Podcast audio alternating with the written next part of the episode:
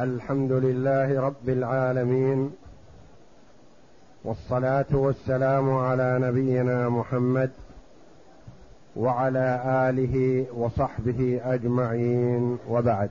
بسم الله بسم الله الرحمن الرحيم.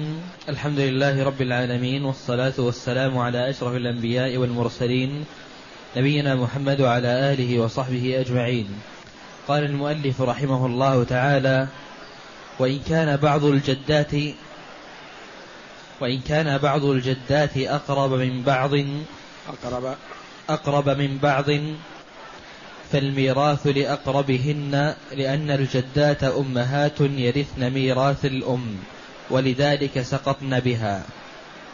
قول المؤلف رحمه الله تعالى وإن كان بعض الجدات أقرب من بعض.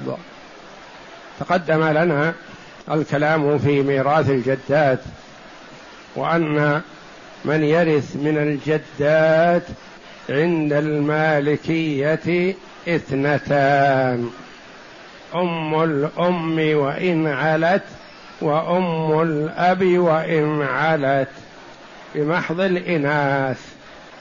وعند الحنابلة ثلاث جدات.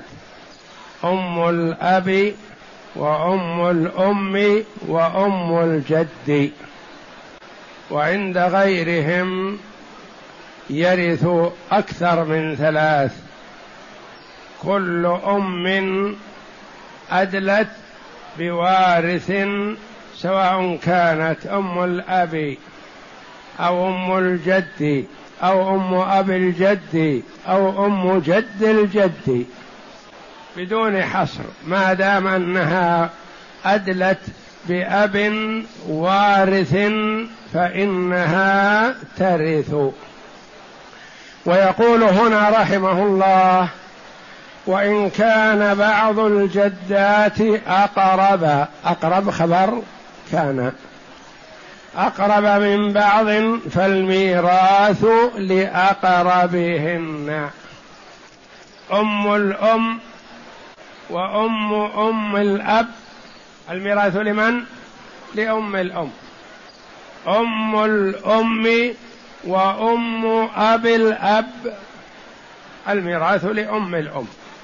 يعني إذا كانت واحدة أقرب درجة فإنها تأخذ الميراث دون الأخرى. مثل ما إن الأم تأخذ الميراث وتسقط الجدة لأنها أعلى منها. فكذلك الجدة الأدنى ترث تأخذ السدس والجدة الأعلى تسقط. وهذا مضطرد. الأب يأخذ الميراث ويسقط الجد. الجد ياخذ الميراث ويسقط اب الجد وهكذا. لأنهن الجدات كلهن أخذن ميراث الأم.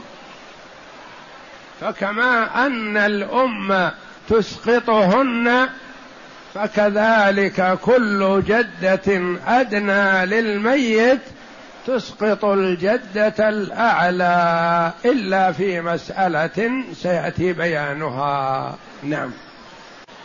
فإذا اقتربت بعض فإذا اقترب بعضهن أسقطت البعد كما لو كانت القربى من جهة الأم. إذا كانت القربى من جهة الأم والبعد من جهة الأب فإن القربى من جهة الأم تسقط البعد من جهة الأب باتفاق.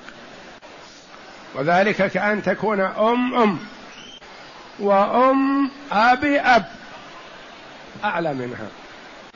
أم أم وأم أم أم أب. أم الأم تسقط البعد من جهة الأب أو من جهة الجد. نعم. وعنه أن القربى من جهة الأم تسقط البعد من جهة الأب والقربى من جهة الأب لا تسقط البعد من جهة الأم لأنها تدلي بمن لا يسقطها وهو الأب فأولى ألا تكون هي مسقطة لها. وعنه يعني المذهب على أن كل قربى تسقط البعد سواء كانت القربى من جهة الأم أو من جهة الأب أو من جهة أبي الأب. القربى تسقط البعد. رواية أخرى عن الإمام أحمد رحمه الله على أن القرب من جهة الأم تسقط البعد من جهة الأب هذا باتفاق. رواية أخرى على أن القرب من جهة الأب لا تسقط البعد من جهة الأم. قربى من جهة الأب لا تسقط البعد من جهة الأب.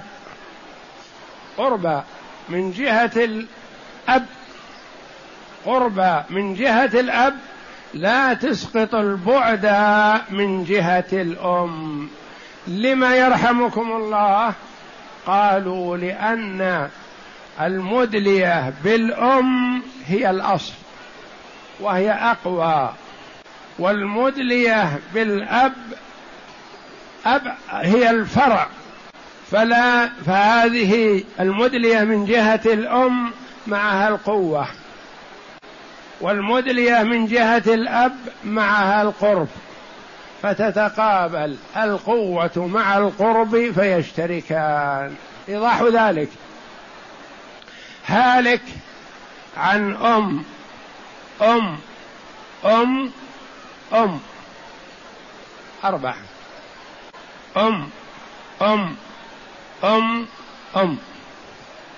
الثانية. أم أم أب. أيهما أقرب؟ جاءت من جهة الأب أقرب لأنها في الثالثة وهذه الرابعة. رواية على أن البعد هذه من جهة الأم لا تسقط بالقربى من جهة الأب. لما يرحمكم الله؟ قالوا لأن البعد من جهة الأب من جهة الأم وإن كانت بعيدة فهي قوية. هي الأصل. لأن الوارثة الأصل بنتها الأم. فهي تدلي بالأصل. والقربى من جهة الأب عندها القرب لكن ما عندها القوة التي عند صاحبتها. فتتعادلان القوة من جهة الأم مع القربى من جهة الأب فيستويان ويتقاسمان. فالأصل أن كل قربى تسقط البعد. رواية أخرى عن الإمام أحمد أن القربى من جهة الأب لا تسقط البعد من جهة الأم. أما القربى من جهة الأم فهي تسقط كل بعد من جهة الأب أو الجد. لكن القربى من جهة الأب أو الجد لا تسقط البعد من جهة الأم لأن البعد من جهة الأم معها القوة والأصل أن الميراث الجدة وهذه هي الجدة الأصلية الجدة التي أدلت بالأم والأم هي صاحبة السدس فأخذته عنها بنتها فجاءت الأخرى هذه أقرب منها فنقول قوة المدلية بالجهة الأم تعادل قرب المدلية بالجهة الأب. نعم. وترث الجدة وابنها حي سواء كان أبا أو جدا. لما روى سعيد بن منصور بإسناده عن ابن مسعود رضي الله عنه أن أول جدة أطعمت السدس أم أب مع ابنها. ورواه الترمذي ولفظه قال أول جدة أطعمها رسول الله صلى الله عليه وسلم السدس الجدة مع ابنها وابنها حي. هذا هو أن الجدة المدلية بأب أو جد حي ما يحجبها لأنها ما أدلت بالأبوة وإنما أدلت بالأمومة. فإدلاؤها بالأمومة يجعلها ترث مع ابنها لأن ابنها أدلى بالأبوة. أب أب أو أب وهي أدلت بالأمومة. قالوا قياسها على ولد الأم. ولد الأم يدلي بالأم ومع ذلك يرث. لأن ولد الأم أدلى بالأخوة والأم أدلت بالأمومة فترث الأم وابنها. وترث الجدة وابنها سواء كان ابنها أبا أو جدا أو أب جد على قول الأئمة. أنه يرث أكثر من ثلاث جدات. والدليل على هذا ما جاء عن عبد الله بن مسعود رضي الله عنه أنه قال أول جدة أطعمها رسول الله صلى الله عليه وسلم السدس الجدة مع ابنها وابنها حي. يعني أخذ ابنها سواء كان ابا أو جدا الميراث وأخذت أمه الميراث بصفتها جدة. أخذت السدس. نعم. وعنه. وعنه لا ترث. وعنه رواية عن الإمام أحمد كما قال بها جمع من العلماء على أن الجدة ما ترث مع ابنها. إذا ورث ابنها حجبها. نعم وعنه. وعنه لا ترث لأنها تدلي به فلا ترث معه كالجد. كالجد لا يرث مع الأب. وأب الجد لا يرث مع الجد. قالوا أم الأب لا ترث مع الأب. أم الجد لا ترث مع الجد. ولكن هناك فارق بين الجد مع الأب وأب الجد مع الجد وبين أم الأب وأم الجد معهما. لأن أم الأب ما ترث مع الأب بصفة الأبوة مثل الأب مع الجد وإنما ترث بصفة الأمومة والأمومة شاغرة ما جاءت الجدة إلا والأمومة شاغرة فهي ترث بالأمومة وهو الراجح كما تقدم لنا في التحقيقات المرضية سابقا على أنها ترث. والدليل واضح أن النبي صلى الله عليه وسلم أعطى الجدة السدس وابنها حي يعني يأخذ مثلها. والجدات المتحاذيات أم أم أم وأم أم أب وأم أب أب. يعني متى يجتمع ثلاث جدات؟ أم أم مثلا. تجتمع مع ثلاث جدات؟ لا. لأن أم الأم تجتمع مع أم الأب فقط ولا يكون هناك ثالثة. لأن أم الجد في الدرجة الثالثة وأم الأم في الدرجة الثانية. متى يجتمع ثلاث جدات أم أم أم ثلاثة. أم أم أب ثلاثة. أم أبي أب ثلاثة. متى يجتمع أربع جدات؟ تقدم شيء. قل أم أم أم أم. أم أم أم أب. سويات أم أم أبي أب. أربعة. أم أبي أبي أب. أربع كل ما تقدم درجة زادت الجدات لأنه من جهة الأب من جهة الأب أم الأب وأم الجد. وأم أب الجد وأم جد الجد وما فوق ذلك. لكن لا بد أن يكن على خط واحد على درجة واحدة. متى يجتمع ثلاث جدات؟ أم أم أم. أم أم أب. هذه ثلاثة بمحض الإناث وهذه ثلاثة فيها ذكر. أم أبي أب. ثلاثة ذكران وأنثى. أدلت بوارث. بخلاف أم أبي أم. لا هذه ما ترث لأن ابنها لا يرث.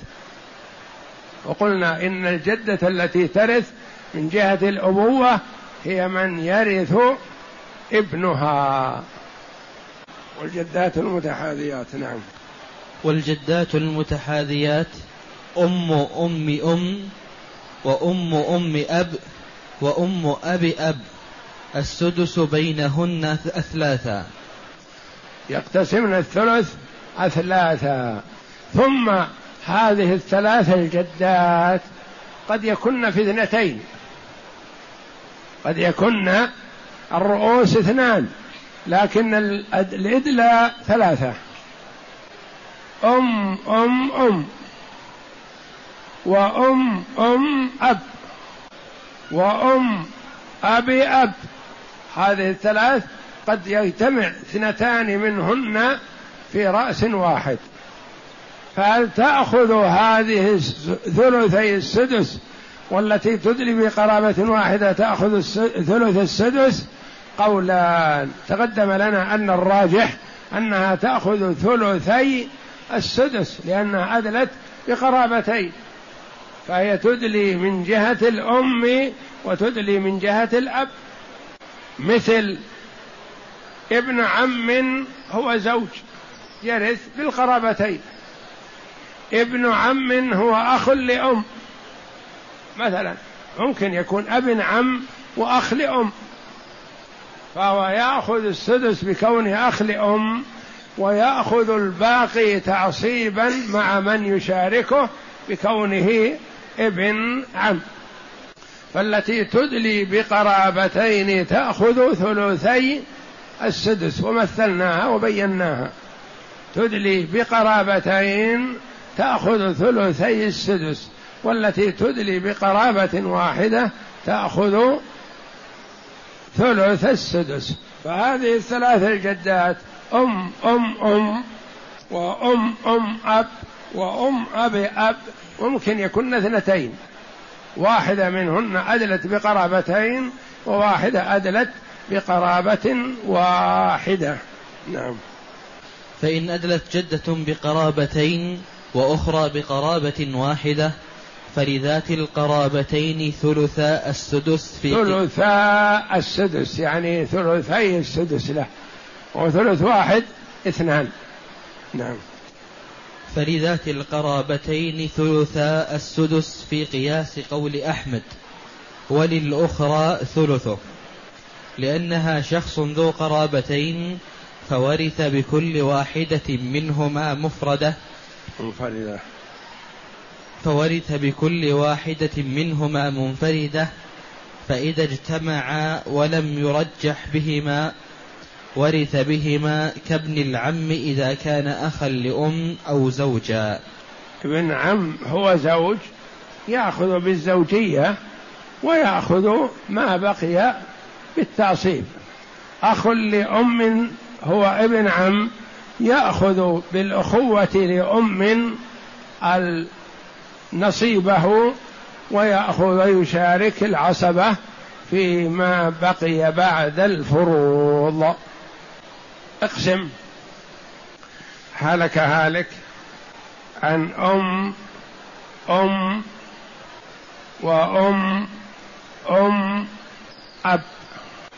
أم أم فقط. وأم أم أب. وعم.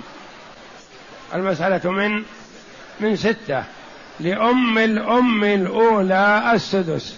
وللعم الباقي تعصيبا وليس لأم أب أم أم أم الأب ليس لها شيء لأنها أعلى.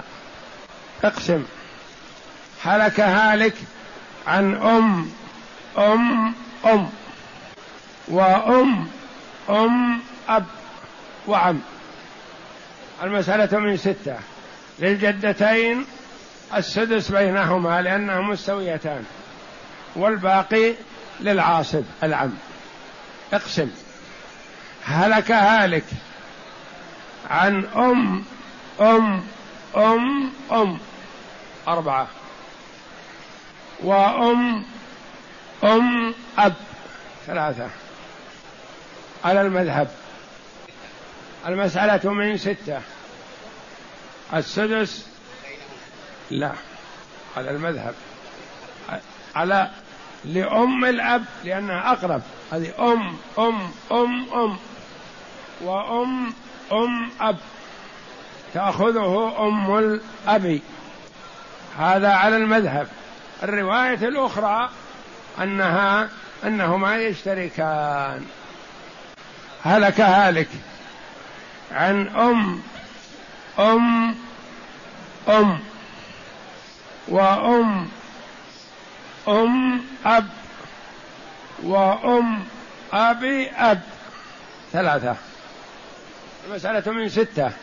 للجدات الثلاث السدس واحد لأنها متساويات. والباقي لأولى رجل ذكر. وهكذا. والله أعلم. وصلى الله وسلم وبارك على عبده ورسول نبينا محمد وعلى آله وصحبه أجمعين.